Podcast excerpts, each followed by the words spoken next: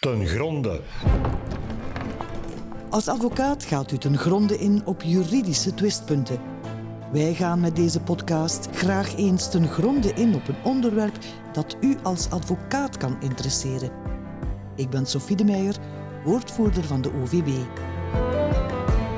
De Vreemdelingenwet van ons land dateert al van 1980 en werd sindsdien al meer dan 100 keer gewijzigd. Vaak waren die aanpassingen het gevolg van de zogenaamde steekvlampolitiek, waardoor het wetboek een kluwe geworden is. Het is hoog tijd voor een hervorming. Bij het begin van deze regeerperiode benoemde staatssecretaris Sami Medi meteen de professoren Dirk van Heulen en Luc Leboeuf als voorzitters van de commissie die de hervorming van het migratierecht moet voorbereiden. Op het OVB-congres debatteren we met een aantal experten en de staatssecretaris over de nieuwe Belgische migratiepolitiek.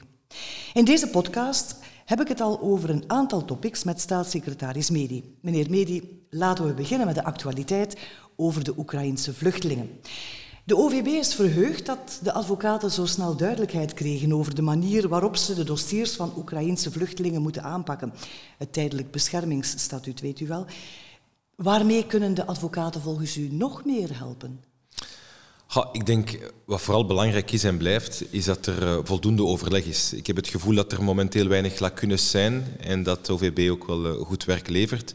Eh, maar we moeten elkaar goed blijven begrijpen. en dat geldt voor de Oekraïne, maar dat geldt eigenlijk in heel wat andere dossiers die we wellicht straks nog zullen bespreken, waarin soms misschien een gevoel ontstaat van wat de politiek denkt te doen en wat het effectief ook wel doet. En daar is soms een klein verschil op dat altijd weggewerkt kan worden wanneer men goed, goed overlegt.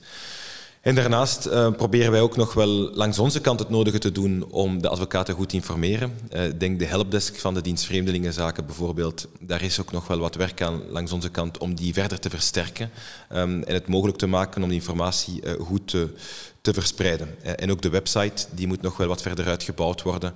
En dat zijn zaken die de advocaten goed, goed zullen kunnen helpen om, om hun werk nog beter te kunnen doen. De OVB betreurt het wel dat een soortgelijke snelle en duidelijke informatie er niet kwam toen we in de tweede helft van augustus samen met onze Franstalige collega's van Avocat.be omvroegen voor onze Afghaanse cliënten. Waarom lukte dat toen niet? Omdat het moeilijk is om twee situaties met elkaar te vergelijken. Eh, de crisis van Afghanistan uh, was van een andere orde en, was anders dan degene van Oekraïne. We spreken hier nu in Oekraïne over de grootste vluchtelingencrisis sinds de Tweede Wereldoorlog. Um, ik herinner mij de, de grootste, die dat werd ook gezegd in 2015. Toen had men 1,3 miljoen vluchtelingen over gans het jaar op heel de Europese Unie. We zitten nu twee weken in het conflict en we hebben 3 miljoen vluchtelingen in de Europese Unie.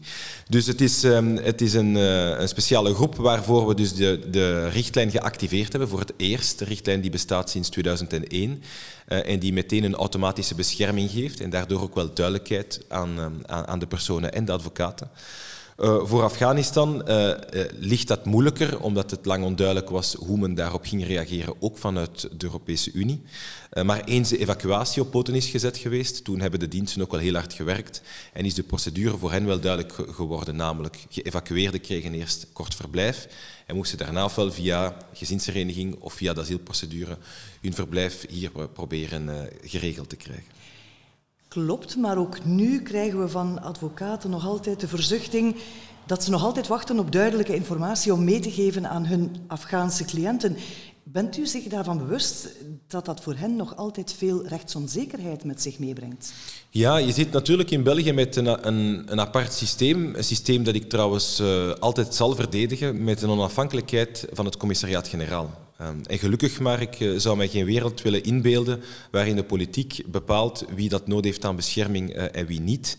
Um, dat is in andere landen helaas uh, soms wel het geval, maar dus dat systeem moet verdedigd worden. Dat maakt dat ook wij soms moeten wachten op beslissingen die het CGVS neemt um, om duidelijkheid te krijgen over Afghanen. En dat men in heel de Europese Unie lang gewacht heeft om een inschatting te kunnen maken van hoe tijdelijk of hoe definitief is het Afghaans conflict en hoe moet men reageren op de Taliban die daar ja, de nieuwe politieke leiders zijn en die niet erkend zijn, wat de situatie alleen maar complexer maakt. Um, en daarnaast is er naast de beslissing die het CGVS neemt ook de vraag hoe reageert de RVV daarop. En ook dat moet politiek meegenomen worden in de manier hoe dat wij uh, ja, verder informatie kunnen geven. Hoor ik u nu zeggen dat er misschien binnen afzienbare tijd toch nog meer duidelijk informatie zal komen hoe die advocaten moeten omgaan met hun Afghaanse cliënten? Wel, het CGVS heeft uh, onlangs al voor duidelijkheid gezorgd, maar de RVV zal wellicht ook nog een finale uitspraak uh, maken over de beslissingen genomen door het CGVS. Eh, en dus het is op dat vlak ook voor ons nog wat kijken en afwachten, zien hoe dat de zaken zullen evolueren. Um, want het is voor niemand prettig dat er onduidelijkheid is en ook niet voor, voor de politieke verantwoordelijken. Dus het zou zeker helpen mochten we daar uh, snel wat meer, uh, meer duidelijkheid over krijgen. En, en dus ook wel ervoor kunnen zorgen dat personen die in onze asielcentra zitten ook snel kunnen doorstromen. Um, en, en ofwel krijgen ze dan een, een, verblijf hier in België en een internationale bescherming, ofwel niet. Maar die duidelijkheid die verdienen mensen wel zo snel mogelijk te krijgen. Positief is wel dat u in vergelijking met uw voorgangers al veel meer stappen hebt ondernomen om het wetboek rond migratierecht aan te pakken. Ziet u deze hervorming die nu in de pijplijn zit als een inhoudelijke wijziging van het migratierecht of, of zal het eerder beperkt blijven tot een hercodificatie van het bestaande wetboek? Eerst en vooral moeten we er vooral voor zorgen dat um, het uh, migratiewetboek uh, leesbaar wordt, wat nu uh, alles behalve het geval is. en dus je, je zit met artikelen die verwijzen naar andere artikelen in een wetboek die niet meer bestaan. En, en zowel advocaten als, als magistraten die dan moeten proberen daar creatief mee om te springen. Eigenlijk is dat, um, is dat totaal, totaal onaanvaardbaar. En had ik verwacht bij mijn aantreden dat er wel wat stappen al waren gezet. Ik heb al jaren gehoord over dat migratiewetboek uh, van heel veel voorgangers. Um, en dus was het voor mij vanzelfsprekend uh, om als eerste ambitie duidelijk te maken, ik zal dat wel gaan afwerken. Alleen was er niet sprake van het afwerken, maar van, van beginnen de fundamenten te leggen. En gelukkig, um, uh, meneer Van Eulen en meneer Leboeuf werken hier heel hard aan, samen met een ganse commissie, al een jaar lang. Het proces is, um, uh, loopt goed. Op dit moment worden de teksten ook geschreven. En die zullen vooral moeten zorgen voor één, een duidelijke structuur en een duidelijke opbouw.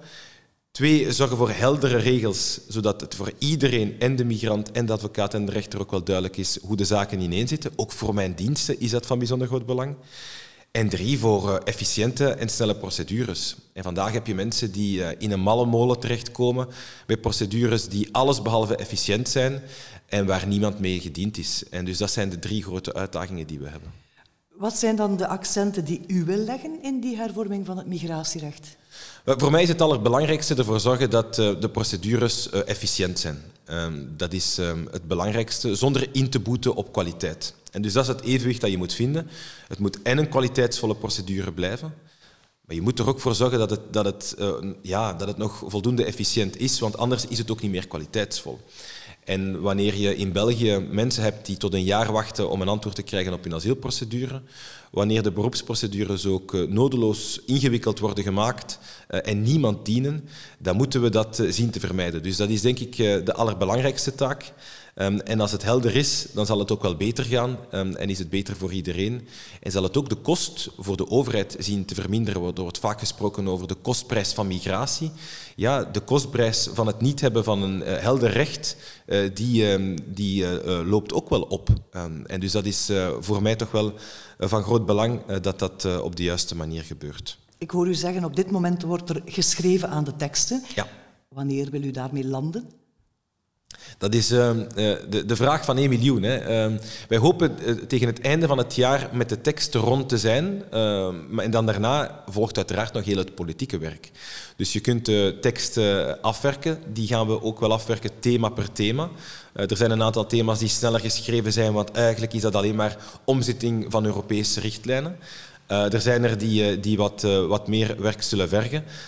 Maar er zal heel het jaar gewerkt worden. Um, en ik wil teksten kunnen neerleggen, ik wil een migratiewetboek kunnen neerleggen. En daarna kan ik alleen maar hopen dat in het politieke proces iedereen ook bereid is om eraan mee te werken. Maar dat heb je natuurlijk niet helemaal zelf in handen. Wat ik zelf in handen heb, en vooral dankzij um, de commissie, dankzij meneer Van Eulen en meneer Leboeuf, en ook wel mijn diensten die hier keihard aan meewerken, um, hebben we um, de tekst zelf, het afwerken daarvan, dat hebben we in handen. En daar moeten we voor zorgen. En als u even mag dromen, en natuurlijk er zijn nog de politieke discussies die zullen volgen, maar wanneer hoopt u dan dat dat nieuwe wetboek er is? Ik heb altijd gezegd dat ik hoop dat dat deze legislatuur lukt, wat velen beschouwd hebben als een mission impossible, um, omdat we geen volledige legislatuur hebben door het feit dat we een jaar lang op zoek waren naar een federale regering. Dus je verliest al een jaar. Uh, je ziet dan ook nog eens um, in, crisissituaties die elkaar opstapelen. Um, en de meesten weten ook wel dat een jaar voor verkiezingen er veel politieke partijen zijn die meer bezig zijn met het tegenhouden van projecten van andere coalitiepartijen dan met eigen projecten te finaliseren. Dus de luxe uh, van de tijd die is er niet. Uh, en dat is de reden waarom dat het heel snel moet gaan. En dat ik het hoop dit, uh, van deze legislatuur te kunnen afwerken. Maar van onze inspanningen en van de inspanningen van de diensten zal het in ieder geval niet afhangen. Een nieuwigheid die er alvast onder uw bewind kwam, is de digitalisering van de Raad voor Vreemdelingenbetwistingen. Via de zogenaamde G-box kunnen procedurestukken worden uitgewisseld tussen advocaten en de Raad.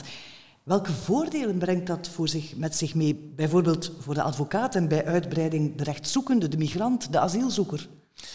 Wel, werken met de J-box in plaats van met de fax maakt het proces al veel betrouwbaarder. Ik denk dat uh, ik heb persoonlijk nooit van mijn leven met een fax gewerkt, uh, dus ik zou niet eens weten hoe dat ik eraan moet beginnen. Uh, ik weet alleen dat het niet even betrouwbaar is als de J-box die op andere diensten ook wel al langer in gebruik is genomen. Het zorgt ook gewoon voor kortere procedures, want aangezien alles digitaal beschikbaar is, um, ja, moet je niet eh, via uh, archaïsche procedures gaan, wat in het verleden wel het geval was. Dus uh, wat ook wel ook, daar een impact heeft op de kostprijs, want mensen kunnen meer werk leveren op een kortere tijd. Um, en wat eigenlijk iets is waar ik... Um, ik heb daarover gecommuniceerd, maar met een beetje schroom, want eigenlijk vond ik het absurd dat het nog niet bestond. En ik herinner mij mijn allereerste discussie als staatssecretaris met de voorzitters van de Raad voor Vreemdelingenbetwistingen. Ging hierover. En toen werd er tegen mij gezegd, uh, we hopen dat je het doet, uh, maar we willen het eerst nog wel eens zien, want ook dat horen we al jaren. Ja, ja, er zal werk gemaakt worden van de digitalisering. Ja, ja, de J-box, dat komt allemaal in orde. Maar het gebeurt dan allemaal niet. En dus uh, heb ik ook hier op het kabinet uh, opgedragen dat men snel werk zou maken van die digitalisering. was ook meteen een van de eerste verwezenlijkingen. Um, en die ook wel aan, aan de RVV, maar hopelijk ook aan alle andere diensten laat zien dat we hier niet enkel zitten om te communiceren, we zitten hier vooral om, om te werken en om zaken in beweging te brengen. Sinds begin van deze maand is die digitalisering dus een feit. Wat zijn dan de voordelen met deze nieuwe manier van werken voor uw administratie? Wel, voor de administratie, de J-box helpt zeker uh, voor, uh, voor uh, de rechters en voor advocaten, maar voor de administratie in, in zijn totaliteit zullen we wat digitalisering betreft nog veel meer stappen moeten zetten. En dus het, het grote nadeel van de verschillende diensten die naast elkaar bestaan, is dat ze allemaal zelf rond digitalisering heel veel interessante projecten op poten zetten, maar je kan diensten niet naast elkaar zien. Ze maken deel uit van één en dezelfde keten. En dus de DVZ heeft een impact op Fedasil, Fedasil heeft een impact op CGVS, uh, CGVS heeft een impact op de RVV en, en, en omgekeerd. En dus moet je zorgen voor een digitaliseringsgolf die zich niet enkel voordoet bij iedere dienst individueel, maar vooral platformen creëren die de schakels versterkt tussen de verschillende diensten. Vandaar dat we ook een audit gelanceerd hebben, die op dit eigenste moment bezig is en die denk ik zelfs in de laatste fase is, want die moet tegen um, de zomer in orde zijn. En dan is het eh, belangrijk om te bekijken, ja goed, hoe kunnen we nu met die informatie aan de slag zorgen voor een digitaliseringsgolf die onze diensten versterkt, maar ook de schakels daartussen. Wat moet er onderzocht worden in die audit? In de audit moet heel wat onderzocht worden, maar vooral de performantie van um, heel de ketenbenadering. Um, en dus er is uh, enorm gewerkt geweest aan de eilandjes apart, maar de ketenbenadering, daar is echt nog wel gigantisch veel marge om de zaken te verbeteren. Het zijn die twee, drie dagen uh, te veel tussen uh, het dossier dat van de ene dienst naar de andere dienst gaat, om dan opnieuw twee, drie dagen te veel te zijn tussen de tweede dienst en de derde dienst, die maken dat we daar op heel korte termijn heel veel progressie kunnen boeken. De zogenaamde single permit, het systeem waarbij er maar één aanvraag meer nodig is om een arbeidsvergunning, een verblijfsvergunning en een visum te krijgen, dat zegt de OVB, dat werkt nog niet goed. Dat is echt laag hangend fruit. Als u erin slaagt om dit systeem recht te trekken, is dit echt een mooie pluim om op uw hoed te steken. Bent u daarmee bezig? Ja, ja volop. Um, het is niet het rechttrekken van het systeem. Het is het zaadje dat geplant is geweest en Uh, de eerste kiemen die naar buiten komen met de single permit die we gecreëerd en gelanceerd hebben, uh, samen met trouwens uh, elf andere ministers die ik erbij moest sleuren om daar een handtekening onder te zetten. We gaan het vandaag niet hebben over de institutionele problemen, maar dat was een uitdaging op zich. Maar de single permit werkt alleen met een aantal kinderziektes. De boom moet groeien. Dus het zaadje is geplant, de boom is in, in, in volle opbouw, laten we het zo stellen. Um, en het heeft effectief heel wat opportuniteiten die vandaag al gebruikt worden. Om maar een idee te geven, hè, federaal zijn wij bevoegd voor uh, verblijf. De regio's zijn uh, bevoegd voor de, de werkvergunningen te geven. Ja, op federaal niveau is dat dankzij de single permit een kwestie van dagen geworden. Wat van bijzonder groot belang is, want je hebt een war on talent die volop aan de gang is.